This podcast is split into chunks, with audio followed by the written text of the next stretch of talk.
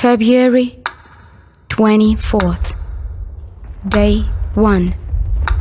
Darija Kalašņikova Latvijas kultūras ainavā ienāca strauji un ļoti pamanāmi. Uz Rīgu viņa pārcēlās pērn pavasarī, un jau vasarā lielu ievērību guva viņas performance Cik ilgi vēl, kurā Darija līdz spēku izsīkumam atkārto sarežģītu vingrojumu, fonā skaitot dienas kopš kara sākuma. February 26th, Day 3.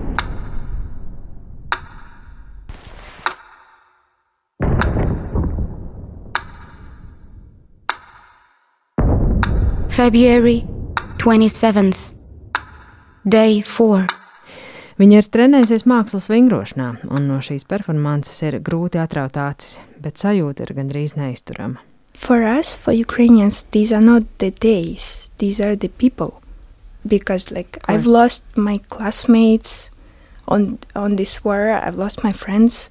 Mums, Ukrāņiem, tas nav par kara dienām, bet par cilvēkiem, kurus esam zaudējuši. Es pati šajā karā esmu zaudējusi klases biedrus, draugus, man pazīstamus žurnālistus. Daudzi no viņiem bija vienkārši civiliedzīvotāji.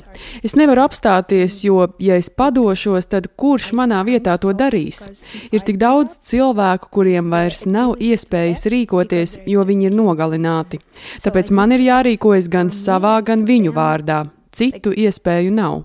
I just, I have no, there, there is no option. Darijai Kalašņikovai ir 34 gadi, un pēdējos gandrīz desmit no tiem klātesošs ir bijis karš. Darija ir no Luhanskas, ko 2014. gadā okupēja Krievi. Viņa pārcēlās uz Kijevu un kopš tā laika nav bijusi mājās. Luhanskā Darija bija viena no Eiromaidana aizsācējām, un kā aktīva protestētāja viņu pamanīja politiķi, Darija startēja vēlēšanās, parlamentā gan neiekļuva, bet piecus gadus viņa bija padomniece parlamenta deputātam un informācijas politikas ministram. Paralēli viņa studēja klasiskās mākslas un arhitektūras vēsturi, un vēlāk aizgāja no politikas, lai pievērstos mākslai pavisam.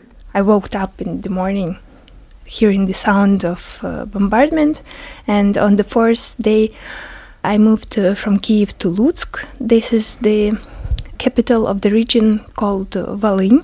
Krievijas iebrukuma rītā es pamodos no sprādzieniem savā dzīvoklī Kīvā. Ceturtajā dienā pārcēlos uz Lutsku, Ukrainas ziemeļrietumos, un pavadīju tur trīs mēnešus. Atceros, ka pērn ap lieldienu laiku nolēmu doties uz ārzemēm, taču es to nedarīju ar mērķi bēgt no kara.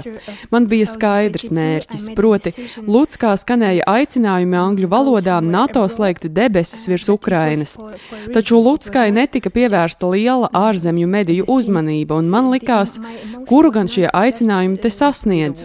Atceros, ka zvanīju mammai un žēlojos, ka Lutskā ir reklāmas kampaņa angļu valodā, kas gan to pamana. Un viņa kā īsta ukraiņu sieviete apklusināja manu žēlošanos un teica: Tev taču ir svešvalodas, portfolio, studiju pieredze ārzemēs. Tu kā sieviete drīksti arī kara laikā doties ārpus Ukrainas. Tu vari ņemt lietas savās rokās un dalīties savā personiskajā pieredzē. Tu esi dzimusi un augusi Donbasā un jau pirms gandrīz desmit gadiem biji spiesta bēgt no Krieva okupācijas. Caur savu mākslu, grāmatām, intervijām un ikdienas sarunām tu vari sasniegt dzirdīgas ausis citās zemēs. Tā tu vari iznīcināt šo propagandas mītu, ka ir kaut kādi cilvēki Ukrainas austrumos, kas grib pievienoties Krievijai. Savā esejā interneta žurnālā Punktum Darija Kalašņikova raksta, kāpēc nonāca Latvijā, kur agrāk nekad nebija bijusi. Viņa esot zinājusi tikai kādreizējo valsts prezidentu Valdu Zetleru, jo 2016. gadā Tartu Universitātes rīkotajos politoloģijas vasaras kursos nopirka viņa autobiogrāfiju. Latviju un tās iedzīvotājus viņš aprakstījis tā, ka manī modās interese šo zemi iepazīt pašai, viņa raksta. Kopš tā laika Darija dzīvo Latvijā, taču vairāk kārt ir atgriezusies Ukrainā pie māmas, kura kā brīvprātīgā jau gadiem palīdz Ukrainas armijai. No Darijas stāstītā par māmu ātri kļūst skaidrs, ka viņas apbrīnojamās darba spējas un vajadzība būt pilsoniski aktīvai ir visas ģimenes lieta. I'm trying to inspire myself just to Cenšos iedvesmot sevi būt tik produktīvai, cik diennakts stundas man to atļauj. Jā, man ir mazliet jāpaguļ, bet pārējā laikā es mēģinu nevien patērēt informāciju un to apspriest, bet rīkoties tā, lai tam būtu rezultāts. Visas savas emocijas, reizēm arī naidu un vēlmi meklēt vainīgos, cenšos pārvērst rīcībā. Perceive myself as a victim. I Negribu uztvert sevi kā upuri. Esmu pateikusi sev, ka esmu cīnītāja. Un tā es attiecos pret visiem izaicinājumiem savā dzīvē, vai tā būtu piespiedu pārcelšanās vai saziņa ar cilvēkiem, kuriem ir propagandas un viltus ziņu ietekmēts viedoklis. Es saprotu, no kurienes tas nāk, un man ir izvēle. Varu vienkārši vainot šos cilvēkus, bet varu arī iesaistīties dialogā un mēģināt šo viedokli mainīt. Vai tas tas būtu par ukraiņiem, bēgļiem, Donbas iedzīvotājiem, politiķiem, pilsoniskajiem aktīvistiem. Cilvēkus ir viegli apzīmogot. Tu esi mākslas vingrotāja, tātad neesi lasījusi pārāk daudz grāmatu, jo nodarbojies ar profesionālo sportu. Taču tā nav taisnība. Tu esi bijusi pilsoniski aktīva, gan jau kāds par to maksāja. Tas ir ļoti tipisks narratīvs, vai ne? Bet nē, man par to nekad neviens nav maksājis. Es pelnu naudu ar savu darbu, tāpat ar politiku. Ja jau tu biji ministra padomniece, tad esi ar viņu saistīta. Nē, es tiku nolīgta darbā, un man tā bija platforma, caur kuru īstenot savas idejas un panākt, ka tās sasniedz iespējami daudz cilvēku. Tāpat, tu esi māksliniece, tad jau vienmēr ir kādi stereotipiski pieņēmumi. Nē, es esmu cilvēks, dzīva būtne, un tas ir visa pamats. Es esmu cilvēks, man pretī ir cilvēks, un tas mums ļauj veidot kopīgu pamatu dialogam. Pēc tam es varu dalīties ar savu pieredzi un dzīves stāstu, un varbūt otrs tajā saskatīs kaut ko pazīstamu vai iedvesmojošu. Bet es nepievēršu lielu uzmanību tam, ka dzīves laikā mainu kurpes, kurās atrodos. Es esmu cilvēks. Tā ir viena no lietām, par ko rakstu savā grāmatā. Ukraiņu zils tēls izskatās tāpat kā citi eiropieši. Vairumam no mums kara traumas nav acīm redzamas. Mēs esam jauni, runājam svešvalodās, valkājam tos pašus zīmolus, ko citur Eiropā. Taču mūsos ir šī kara trauma. Gribu iedvesmot citus ukrāņus, nevainot apkārtējos, ka viņi šo traumu nepamana, bet vienkārši pašiem par to skaļi runāt un skaidrot. Jā, es esmu ukrāņš, esmu piedzīvojis karu, ir lietas, kas mani traumē vairāk nekā jūs. Es varu baidīties no pērkona vai uguņošanas, un tam ir iemesls. Or thunderstorm and it is obvious and there is a reason behind it. Darijas Kalašņikovas pieminētā grāmata Reality Show drīzumā iznāks arī latviešu valodā. To tulkojusi Māra Paļakova, kuras latviskojumā pašlaik interneta portālā punktum jau lasāma Darijas eseja Smilšu graudiņa. Interesanti, ka šī sadarbība ir appusēja, jo Darija Kalašņikova savukārt veido vāku Māras Poļakovas un Artūra Hansona grāmatai ieteikumi Ukraiņu īpašvārdu atveidē latviešu valodā, ko izdos Latviešu valodas aģentūra. Grāmatai, kas dod ieskatu ukraiņu valodas un alfabēta vēsturē, apkopo vispārīgos atveidas principus, geogrāfiskos nosaukumus, personvārdus, pieskars arī krimas tatāru īpašvārdu atveidē latviski, Darija radījusi vāka zīmējumu, kurā uz nošu līnijām rindojas ukraiņu, krimas tatāru un latviešu alfabēta burti. Lai sadzirdētu valodu, to ir jāspēj pareizi izlasīt. Un šajā brīdī mēs pārējām pie sarunas ar tulkotāju Māru Poļakovu. Pirmā tikšanās ar Dariju bija neklātienes, kā tas ar mani bieži gadās. Tie pazīst ar tekstiem. Caur tekstiem tieši tā. Vispirms es tulkoju punktumam mazu stāstu. Tas vēl bija kaut kad vasarā, man liekas. Par smilšu graudiņiem. Par smilšu graudiņiem, jā. Pēc tam Darija piedalījās prozas lasījumos, un tur uh, uz tiem arī bija jāsagatavo teksta fragments par ēnu un jūru un sastapšanos pie jūras. Un, uh, aci pret aci mēs vienu otru ieraudzījām sniegbotā, es gribu teikt, naktī, lai gan tur droši vien bija ap sešiem, ap sešiem vakarā, bet nu, tā ir novembrā, ne, decembra, šaušalīga decembra tumsa. Ķīpselā sniegs līdz ceļiem, un mēs abas meklējām, kā nokļūt Lipkas muzejā, kur arī mm. es nekad nebiju bijusi. Jā, pirmā reize ir grūti ceļu atrast. Mm. Bet ar ko viņas teksti, caur kuriem tu viņu iepazini, piesaistīja tavu uzmanību? Tu esi daudz saskārusies ar tekstiem ukrainiski šajā laikā. Nevis teksti ir īpaši ar to, ka viņi ir brīnum nepastarpināti. Viņos nav tā, kas nenāktu no viņas pašas. Tāds neparasts talants neiejaukt tekstā neiejaukt savā stāstā neko, neko lieku un nepiederīgu. Mm, tas man liekas ļoti valdzinoši. Šovakar Māra Poļakova un Darija Kalašņikova līdzās vairākiem citiem autoriem piedalīsies Punktum festivāla Ukrainas neatkarības dienas lasījumos, kas šogad veltīti nogalinātajai ukraiņu rakstniecei Viktorijai Ameļinai. Es lūdzu viņām abām dalīties savās atmiņās par Ameļinu. Sāk Darja. I met her at some of public events, but we were not friends. Mm -hmm. She was, a, for instance, she was a speaker on the panel. Yeah. And, bijām tikušās vairākos publiskos pasākumos, bet nebijām personiski pazīstamas. Taču es zināju par viņas lielisko iniciatīvu - Ņujorkas literatūras festivālu nelielā Donbasa ciematiņā ar tādu vārdu. Šodien tas atrodas pie pašas frontes, un tur nevar nokļūt bez īpašas atļaujas, bet viņa tur. Es vēl atgriezīšos pie Viktorijas lielā ieguldījuma, saliedējot Ukraiņu sabiedrību, veidojot kontaktus starp Ukrainas austrumu un rietumu daļu, bet vispirms gribu izcelt faktu, ka pēc pilna mēroga kara sākuma viņa oficiāli kļuva par kara noziegumu izmeklētāju. Tas ir bīstams un ļoti nepatīkams lauks, kurā darboties, jo tev jāsaskars ar nebeidzamiem šausmu stāstiem. Katrai atbrīvotajai Ukrainas teritorijai līdzi nāk masu kapi ar neidentificētiem apbedījumiem, nāk kara šausmu liecinieki.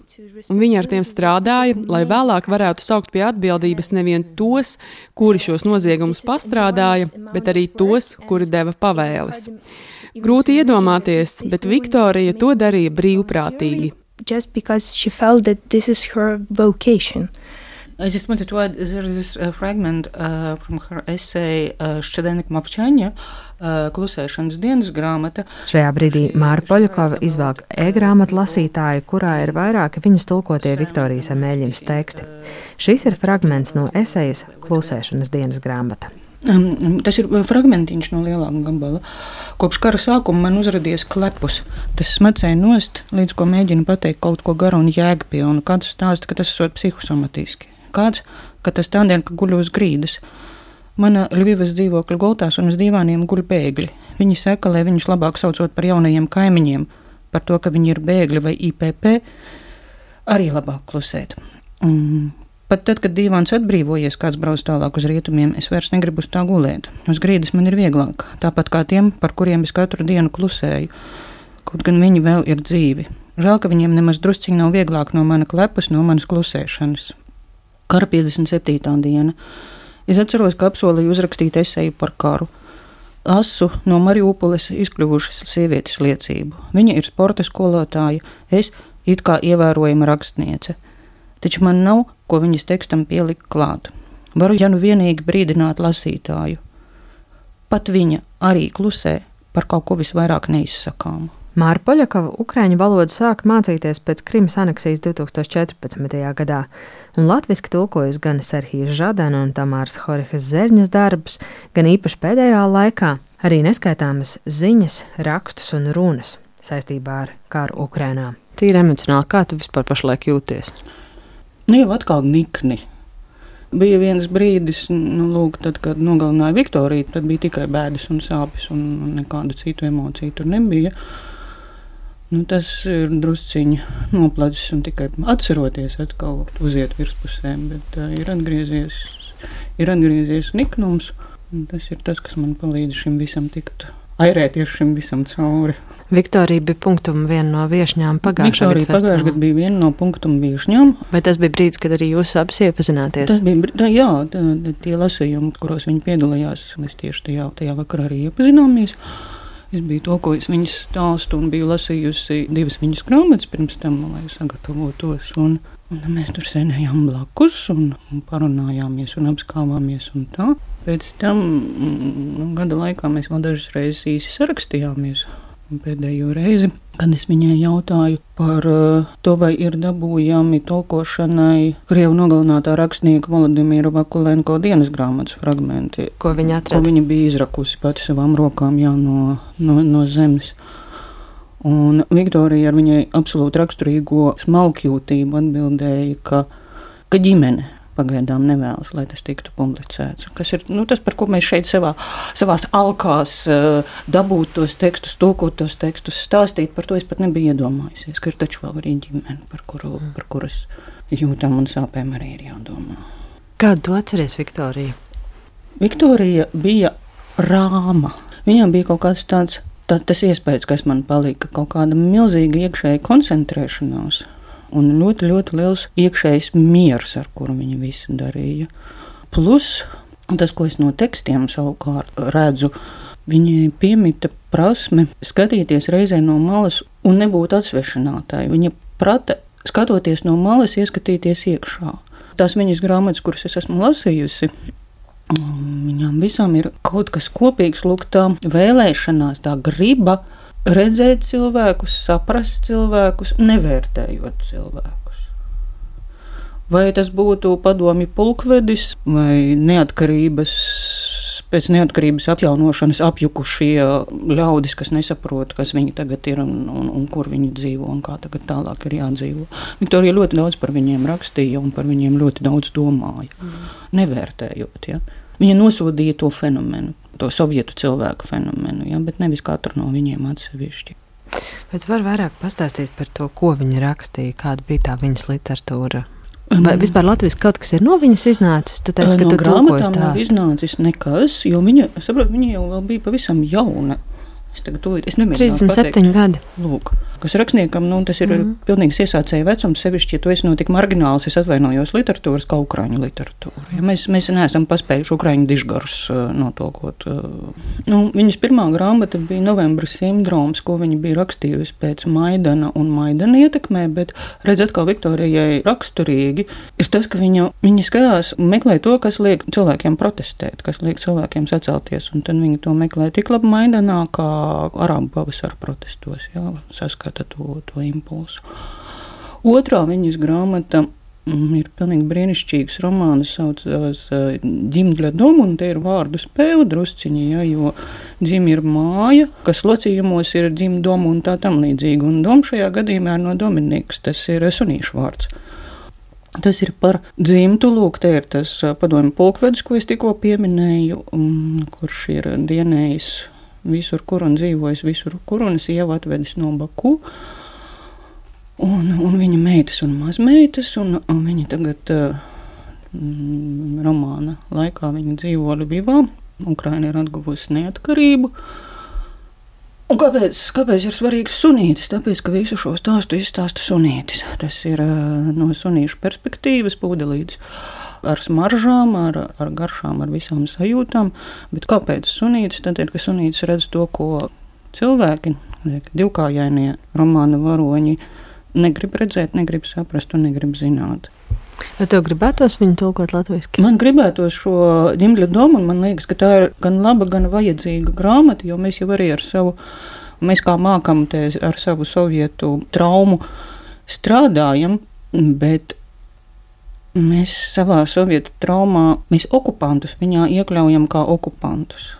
Ja mēs, mums viņi ir sveši ienācēji, un tas viss ir pilnīgi pareizi un taisnīgi, es, es to saprotu.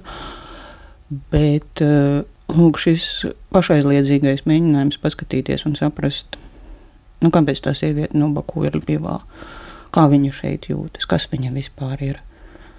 Tur ir, ir, ir tā viena epizode, kur Mazmeita, man liekas, tam bija, kas viņai jautāja, bet baba rekur, tai tantei ir savas ģimenes receptes. Kādas ir tavas, tavas ģimenes receptes? Viņa pilnīgi apjūga, un viņa nesaprot, kādas ir viņas ģimenes receptes. Tas plovs, ko viņa ir iemācījusies Azerbaidžānā taisīt, vai vēl kaut kas, vēl kaut kas. Un, un šis jautājums, ja kādas ir tavas receptes, kur ir tavas mājas? Ja? Mums ir viegli. Mūsu mājas ir šeit, mēs esam no šejienes bet ir cilvēki, kuriem ne viņu pašu vainas dēļ. To ir stipri, stipri sarežģīti atbildēt, un no tā arī ir šausmīgi daudz kas atkarīgs no tā, kā viņi to atbildēs. Tad, kad nesen bija sācies pilna mēroga iebrukums, tev šeit bija ārkārtīgi interesanta saruna ar Māri Salai un Ants Bušvits rēdījumā augstāk par zemi. Un tobrīd tu teici, ka uz to brīdi bija tev izdevies izdevējus pārliecināt par tieši trīs grāmatu pieaugušajiem izdošanu latviešu. Kā šī pusotra gada laikā situācija ir mainījusies? Situācija ir ļoti mainījusies. Ir drausmīgi, ka bija vajadzīgs nu, šis lielais karš, lai, lai rastos uh, interesi par ukrāņu rakstniekiem. Es esmu priecīga, ka viņi ir radusies, un es ceru, ka viņi noturēsies, jo mēs jau esam paskrobinājuši joprojām tikai pašu, pašu virskārtiņu. Šogad iznāca Žadans. Būs rudenī esejas, nākamgad būs vismaz vēl divas grāmatas. Māris, Māris ar bērnu grāmatām daudz strādā, to kļūst ar vien vairāk. Tas ir ļoti labi, viņas visas ir lieliskas. Pamazām būs, es ceru. Kas vispār pašlaik notiek Ukrāņu literatūrā, cik tālu tev to ir iespējams redzēt? Ko dara Ukrāņu rakstnieki pašlaik? Ir tie, kas karo. Artemis Čehs, Artemis Čapais, viņi ir karavīri, Aleksandrs Mihets ir rezerves dienesta karavīrs. Tie ir tie, kurus es uzreiz neskatoties zinu. Daudz ir brīvprātīgie palīgi, ja, kas eh, vāc eh, naudu, pērk mašīnas, ved uz fronti to, kas karavīriem ir vajadzīgs. Brīnišķīgā Katrīna Kalitko, kas saņēma Ševčenko prēmiju augstāko Ukrainas nu, valsts apbalvojumu par pagājušā gada krājumu. Alina Kruka. Viņi pamazām sāk saņemt ordeņus nevis par literatūru, bet par lūk, šo pašaizliedzīgo, brīvprātīgo darbu, par to, ka viņi cenšas tuvināt Ukrainas uzvaru. Bet tā pilnīgi fantastiskā un neticamā lieta ir tāda, ka viņi turpina rakstīt. Žadanam nu pat iznāca pilnīgi jauns zejoļu krājums iznāk tulkojumi. Iznāk milzīgi daudz tulkojumu, par ko es vienkārši esmu pilnīgā sajūsmā. Turklāt es atvainojos labāka literatūra nekā viena daļa labāka literatūra nekā pie mums iznāk un augstvērtīgāka un, un cilvēki pērk ir pirmie mēģinājumi rakstīt par to, kas jau ir noticis šajā lielajā karā. Nu, pat burtiski pirms dažām dienām iznāca Irīnas Slavinskas grāmata par to, kā viņa pieredz gaisa trauksmes un, un kādā veidā cilvēks, viņa cilvēks, nu, ļoti personisks esejs. Ko tu dari un kā tu jūties un, un kā tu rēģē un kā tu tiec galā ar to, ka, ka tavai pilsētai uzbrūk. Patiesībā šausmīgi daudz visu kā interesanti, apbrīnojami daudz visu kā interesanti mm. notiek. Mūsu sarunas noslēgumā es lūdzu Mārai Paļakovai nolasīt dažus viņas atzējotos ukraiņu rakstnieces Viktorijas Amēļinas dzējoļus, kas šovakar skanēs arī Amēļinas piemiņai veltītajos Ukrainas neatkarības dienas lasījumos Rāņa un Aspazīs mājā Rīgā. Pirms lielā kara sākuma Viktorija dzēja nebija rakstījusi. Un es saprotu, ka dzēja bija veids, kā viņa spēja īsi pateikt to, kas viņai tajā brīdī bija svarīgi un kas vienkārši lauzās ārā.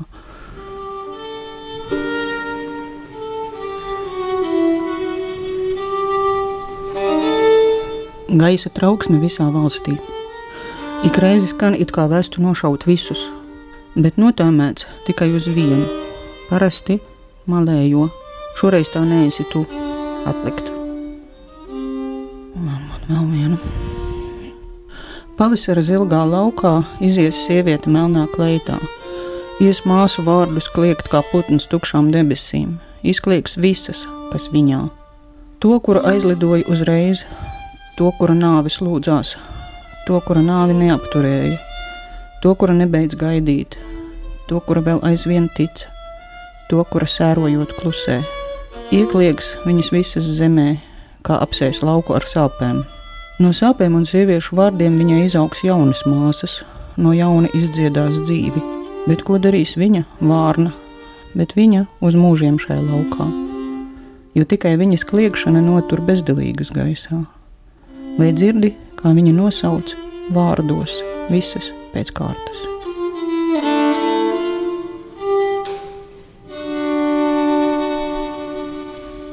Kā bija tulkot šo dzēju? Māra, es, es pēdējā laikā tulkoju tikai drausmīgus tekstus. tikai tādus, ka tu patoko paraudi, patoko paraudi. Nu, šobrīd, šobrīd mans darbs ir Ukrāņu rakstnieku esejas par karu.